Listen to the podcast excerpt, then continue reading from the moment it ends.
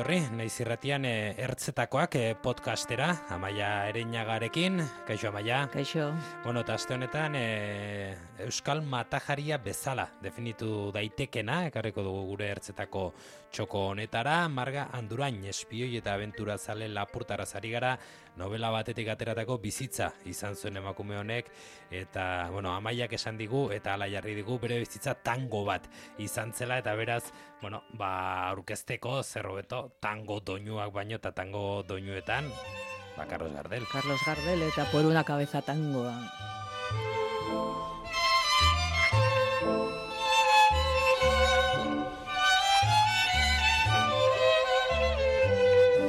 Bueno, ba, tango doinu hauekin aurkeztu dugu gure gaurko protagonista Marga Andurain, konta iguzu, Amaia. Bueno, aipatu dugun bezala, bizitza tango bat bezala izan zen, ze azken muturrera ino, jo, e, dantzatu zuelako bere bizitza laburra. Ez, joan den azaroaren e, bostean, irurogeta maika urte bete ziren e, hiltzenetik marga handurain lapurtarra, e, mila behatzion eta laro eta sortzian hiltzen e, marga handurain e, tangerre oso gazte, esan dudan bezala, berro eta ma bosturteekin, e, oso modu intentzuan bizi izan dako berro eta urte horiek, ikusiko duzuen bezala. Itxasoan hiltzen, belontzi batean, tanger inguruko itxasoan, e, kontrabando urre kontrabando aiten nahi zala, eta bere tripulazioko norbaitek akatu zuen, e, belontzitik bauretara bota, eta bere, ez zuten inoiz bere gorpua aurkitu. Hiltzan novela batean bezala, ez? bere bizitza izan zan bezala oso bizitzako orapilotzu, arriskutzu, interesgarria izan zuen emakume honek zeberak bere burua ere abentura sale bezala definitzen zuen eta berre, horrela bizi izan zuen. Oso emakume ausarta zela esango genuke aurreratuta bere garairako pizka kapritxosoa baita ere, eh? Ze egin zuen nahi zuena batzutan ez zuen buru asko erabili, egia esan, e, sekulako nastetan sartu zen, Baina, bueno, ba, esate dizuet, kontrabandoan, kontrabando intzuen, horrela bukat hiltzan, espioia izan zan baita ere, Egipton inglesen dako, bera frantzesa izan ez, e, frantzesa, nazionalitatea frantzesa zeukalako, eta gero bizi, e, iparraldetik atea, eta Argentina, Egipto eta Sirian bizi izan zuen, behaz oso maite menduta zegoen e, Siriarekin beak esaten zuen, eh, bere biografia bat idatzi zuen, e, Baionako egunkari batean kaleratu zen e, artikulo sorta bat izan zen, eta bertan bere historia kontatu zuen, eta beak esaten zuenez, e, familia burges batean jaiotako emakume bat zala, burges altua, e, gara irako, baina e, beha sentitzen zala iraganeko iraganean itsasoak zeharkatzen zituzten Euskal Kapitainoien antzek horren espirituaren e, lekuko, ero, bueno, bezala, eh? horrela sentitzen zala bentsat.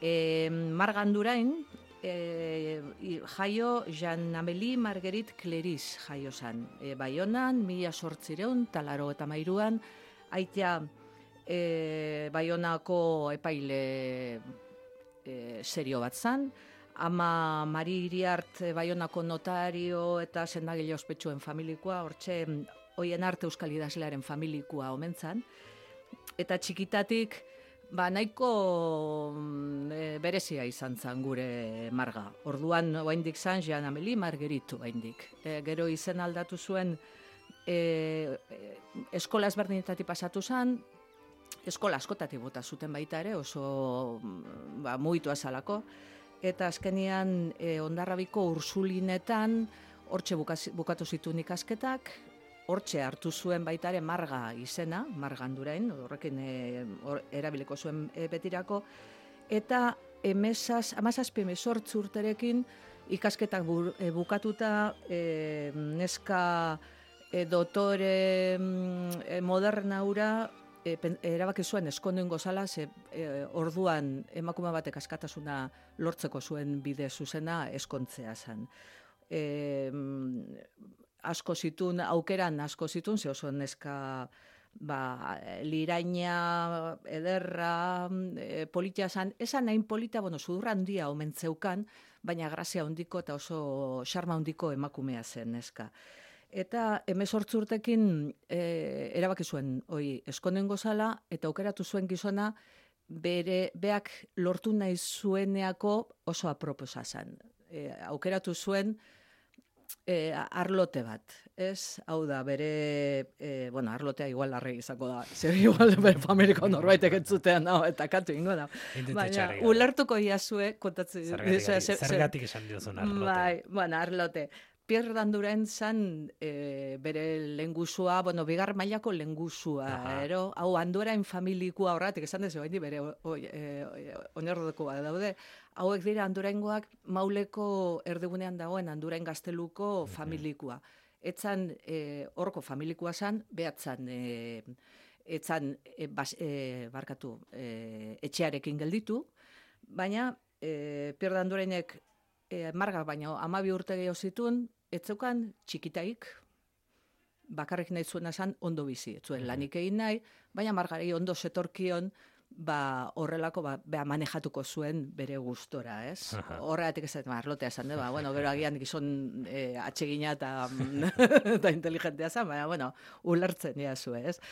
Orduan e, eskondu eta bere alara ba, familiak emandako diruarekin eta batez ere margak e, mundua esautu nahi zuelako Argentina juntzean panpan hortxe ganadua ustiatzeko e, etxalde bat jarri zuten, diru guztia xautu eta handik urte batzutara baionara itzuli zidan berriz. Bueno, eta baionatik e, Euskal Herriera itzuli, eta aventura bideak, ez, berriz? Bai, bai, bai, totala, bai. Elkairora guaz? El, hoixe da, guazen. Elkairora joateko, Casa Blanca filmako musika ikarri dugu, amaia komentatzen zigulako, bueno, munduko bigerren arteko giro konspiratzailean, zegoela murgilduta Kairo garai horretan, eta, bueno, inguruarekiko lehendik ere, ba, lilura bazuela bikote honek eta Egiptorako bidea hartu zutela apply as time goes by. Imaginatu zazuen nolako esen kairo gara hartan, ba, e, Casablancoko filmean bezala, ba, hori espioiak, informatzaileak, agente bikoitzak, e, Europa osotik iritsitako aristokrazia askok diruarekin, ez datzuk diru askoi gabe, gure andura indarren e, bikotea ba, e, iritsi ziana bertara eta e, andurengo gondeak, kondeak bezala, konde kondesa bezala orkestu ziren. Ez titulurik, baina bueno, oso dotorea gelditzen zen.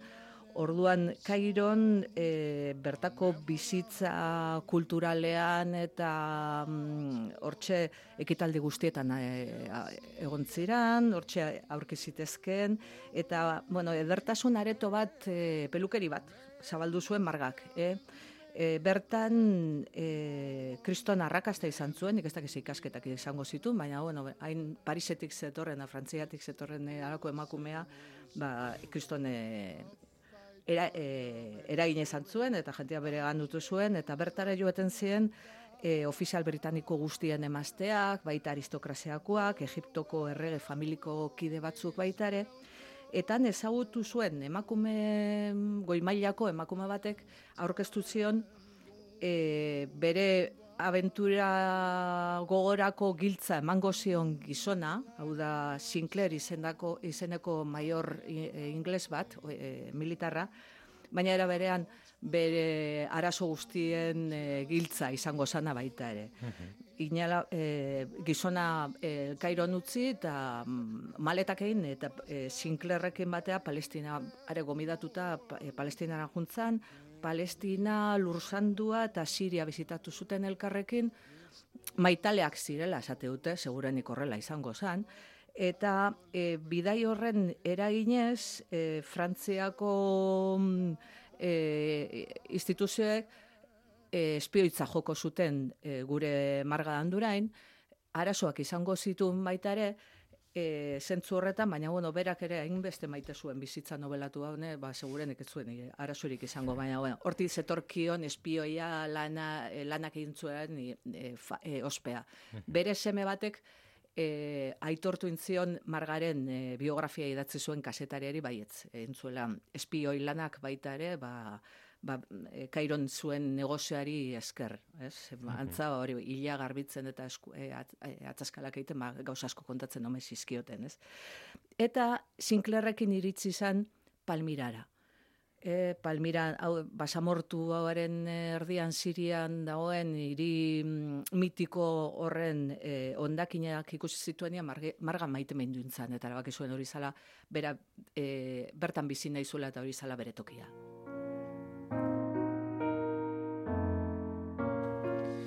Horren aitzakian, gaurko margandurain eta zitzeiteko errepaso honetan, Linda Al-Ahmad, ekarri digu amaia erenaka, gaur egungo hau siriar ederrenetarikoa, eta margandurainek izan zuen bat bateko maite ura, ba, jilatzeko balio dezaken, entzuko dugu.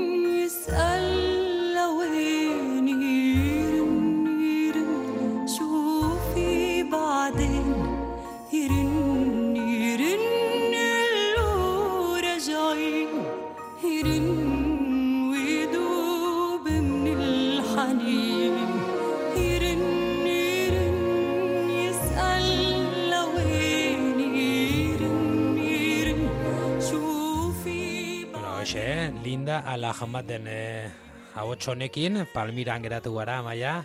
Hoixe da, Palmiran eta mm, gure marga Palmirarekin maite duta erabaki zuen bertan e, negozio bat jarri hartzuela.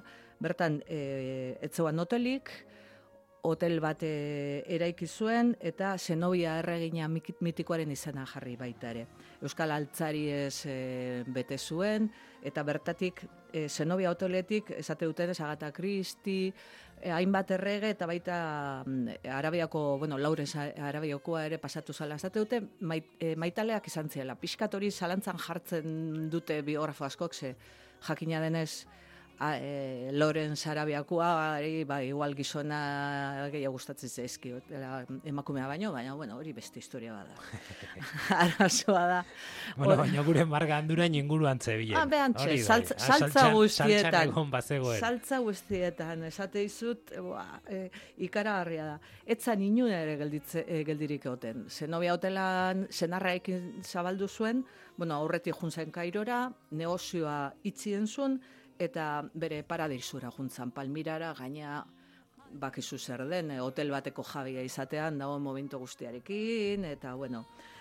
E, gaina zenobia izena jarri zion ze e, Palmira e, berreunta irurogeta zeian e, erreina izan zen emakumearen izena da, hori Italia e, erromatar barkatu, erromatar imperioaren aurka borrokatu zuen e, erregin mitiko bada. Orduan beraz zenobia jarri zion eta beraz zenobia jartzen e, sentitzen zan baita ere beduinon dendetara juten zan, bakizute zer den hori bu, eh, garaigerako, baita ere gameloren gainean ba, pasiatzea bilutzi gustokoa zuen, ba, ilargiaren azpia, bueno, ba, guztiok amesten ditu.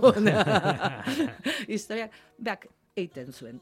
Baina, e, bapatean, ez zitzaion antza nahiko iruditzen, eta orduan e, otu zitzaion, e, beha lehenengo emakumea izan martzala, lehena izan martzala zeo zertan, eta zer, lehena zertan, mekara, e, mekan, mekara joango zen lehenengo emakume, mendebaldeko lehenengo emakumea izango zala. Zoramena, eta desastre bat izan zan gara hartan beraren zat, ze, bueno, lehenengo banatu inzan, e, e, zen arrautzi zuen, eta, bueno, papera guztiak zituzten, eta orduan, eskondu inzan e, beduino batekin, e, eskontza zuri bat zan hau da bakarrik tramiterako, islamera e, e, katolikoa utzi zuen, e, islamea ba, e, bihurtu intzan, Eta e, erabaki zuten hori mekara jungo zirela biak beduin hori guztu, gaina beduinoa nahiko zarra zala baita ere, osea, ba, Soleiman. Eta e, hartuz, ba, e, itxasontze hartu, e, itxaso horrea zeharkatu, eta iritsi zirenean jidako portura, mekara joateko prest, e, atxilotu zituzten, bertako e, gobernadoreak atxilotu zuen, eta ara nun bukatu zuen gure marga, etzan kartzelara jun, haren batera e, bidali zuten. Orduan, gatibu egontzan e, garai batean, angoaren batean, eta beha kontatzen duenez, ba, han, hango e, emazteei, ba, fandango bals, eta charlestona erakutzi bueno, e, alata guztiz ere jidakoa esan nahin zora esan, ze e, bere zenar beduinoa hilda agertu zan, etzekiten oso ondo zaitik, eta bere lepoero betu mentzioten e, bere eriotza. Frantziar konsulari esker, atea zan marga handik, beti sortea izan zuen. Eta e, zenarraren gana bueltatu zen, e, Palmirara, baina bere ibilbidea etzan hor bukatu e, e, botain bat zutelako bertatik eta Frantziara erbesteratu ziotelako. Bidean zenarra hilda agertu zitzaion baita ere, eski izan zan dana hori, mekarena erabaki ostean, dana, dana, dana pikutara, bai, dana pikutara zitzaion, eta orduan e, zenarra egabe Parisen, Parisa juntzan, kontuan izan behar duzu hori bi gerra mundialen arteko garaia izan zela, oso garai Gerra arteko tarte. Bai, gerra arteko tarte, bai. bai, horretan. Orduan, e, bueltatu zan Parisa, eta han e, sema batekin bizi izan, ze bizeme izan zituzten. Eta bitxiena zea da, margak e, alde batetik, urre trafikoaren, ero kontrabandoarekin hasi izan, e, gerraren aurreko, bigarren e, munduko gerraren aurre, aurrean, hasi zan kontrabandoarekin, eta bere semea e, okupazio garaian izan zen erresistentziako buru bat, mm jak. E, orduan, kontra esan horretan bizi izan zen, baina, bueno, e, margorrelako esan, gaztea zan, kontuan izan, pero eta maoz turtekin hiltzala. bai. tenía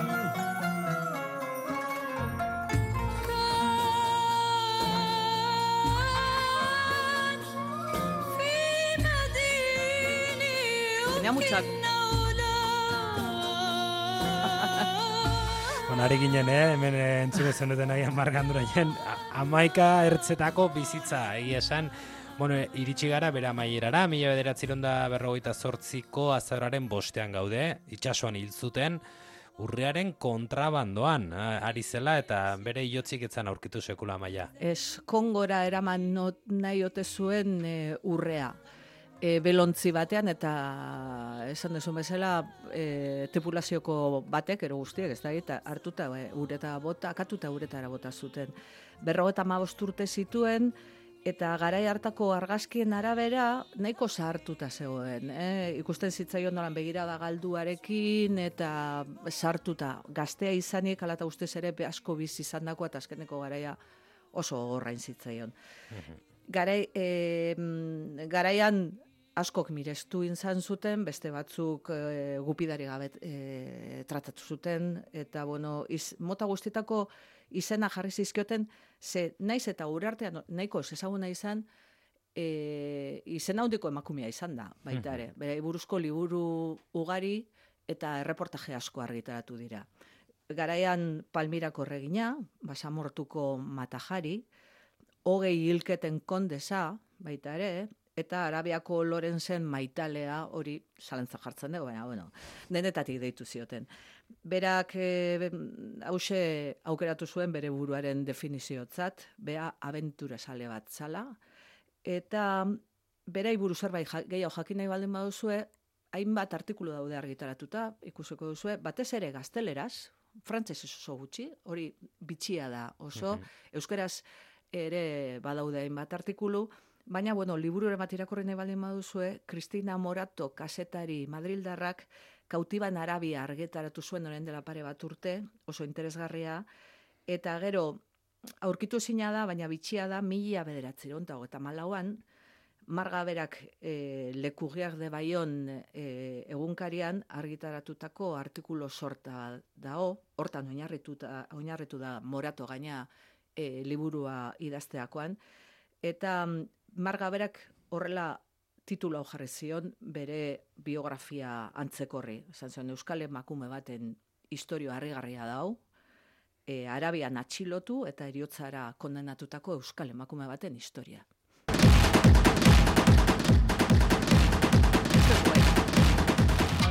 Bueno, ba, Marga Andurainen bizitza ikusgarria. Amaitzeko doinu alaiak ekarri dituzu. Amaia, e, ziur aski berak gustokoak izango zituela pentsatuta. Seguro, ene, gugu bai bentzat. Omar Suleiman, e, Suleiman da, siriako musikari bat, bueno, kurdoa, kurdoa e, kantatzeu, eta bitxia da, ze, hau oso ospat, e, ospetsua da, baina urtetan eskontzetako musika bestek etzuen, eskontzetara zi joan musikoa zan, haineko gizon bada, ez da ia mugitzen, baina bere musika zora harria eta nazi orte mailan oso ezaguna da. Bueno, ba, festa giroan, ziurraski gaurko gure protagonista ere, maiz zibilizelako festa giro hortan, eta horrekin agurtuko amainaren jaga mi esker. Zuri.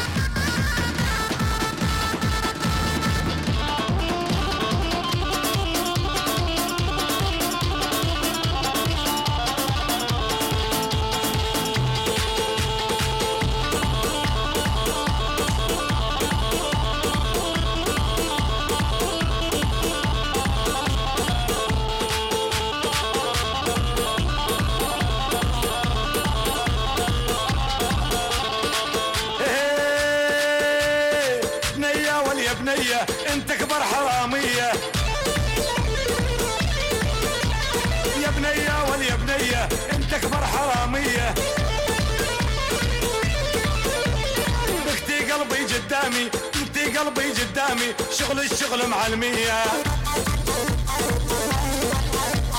تكتي قلبي قدامي شغل الشغل معلمية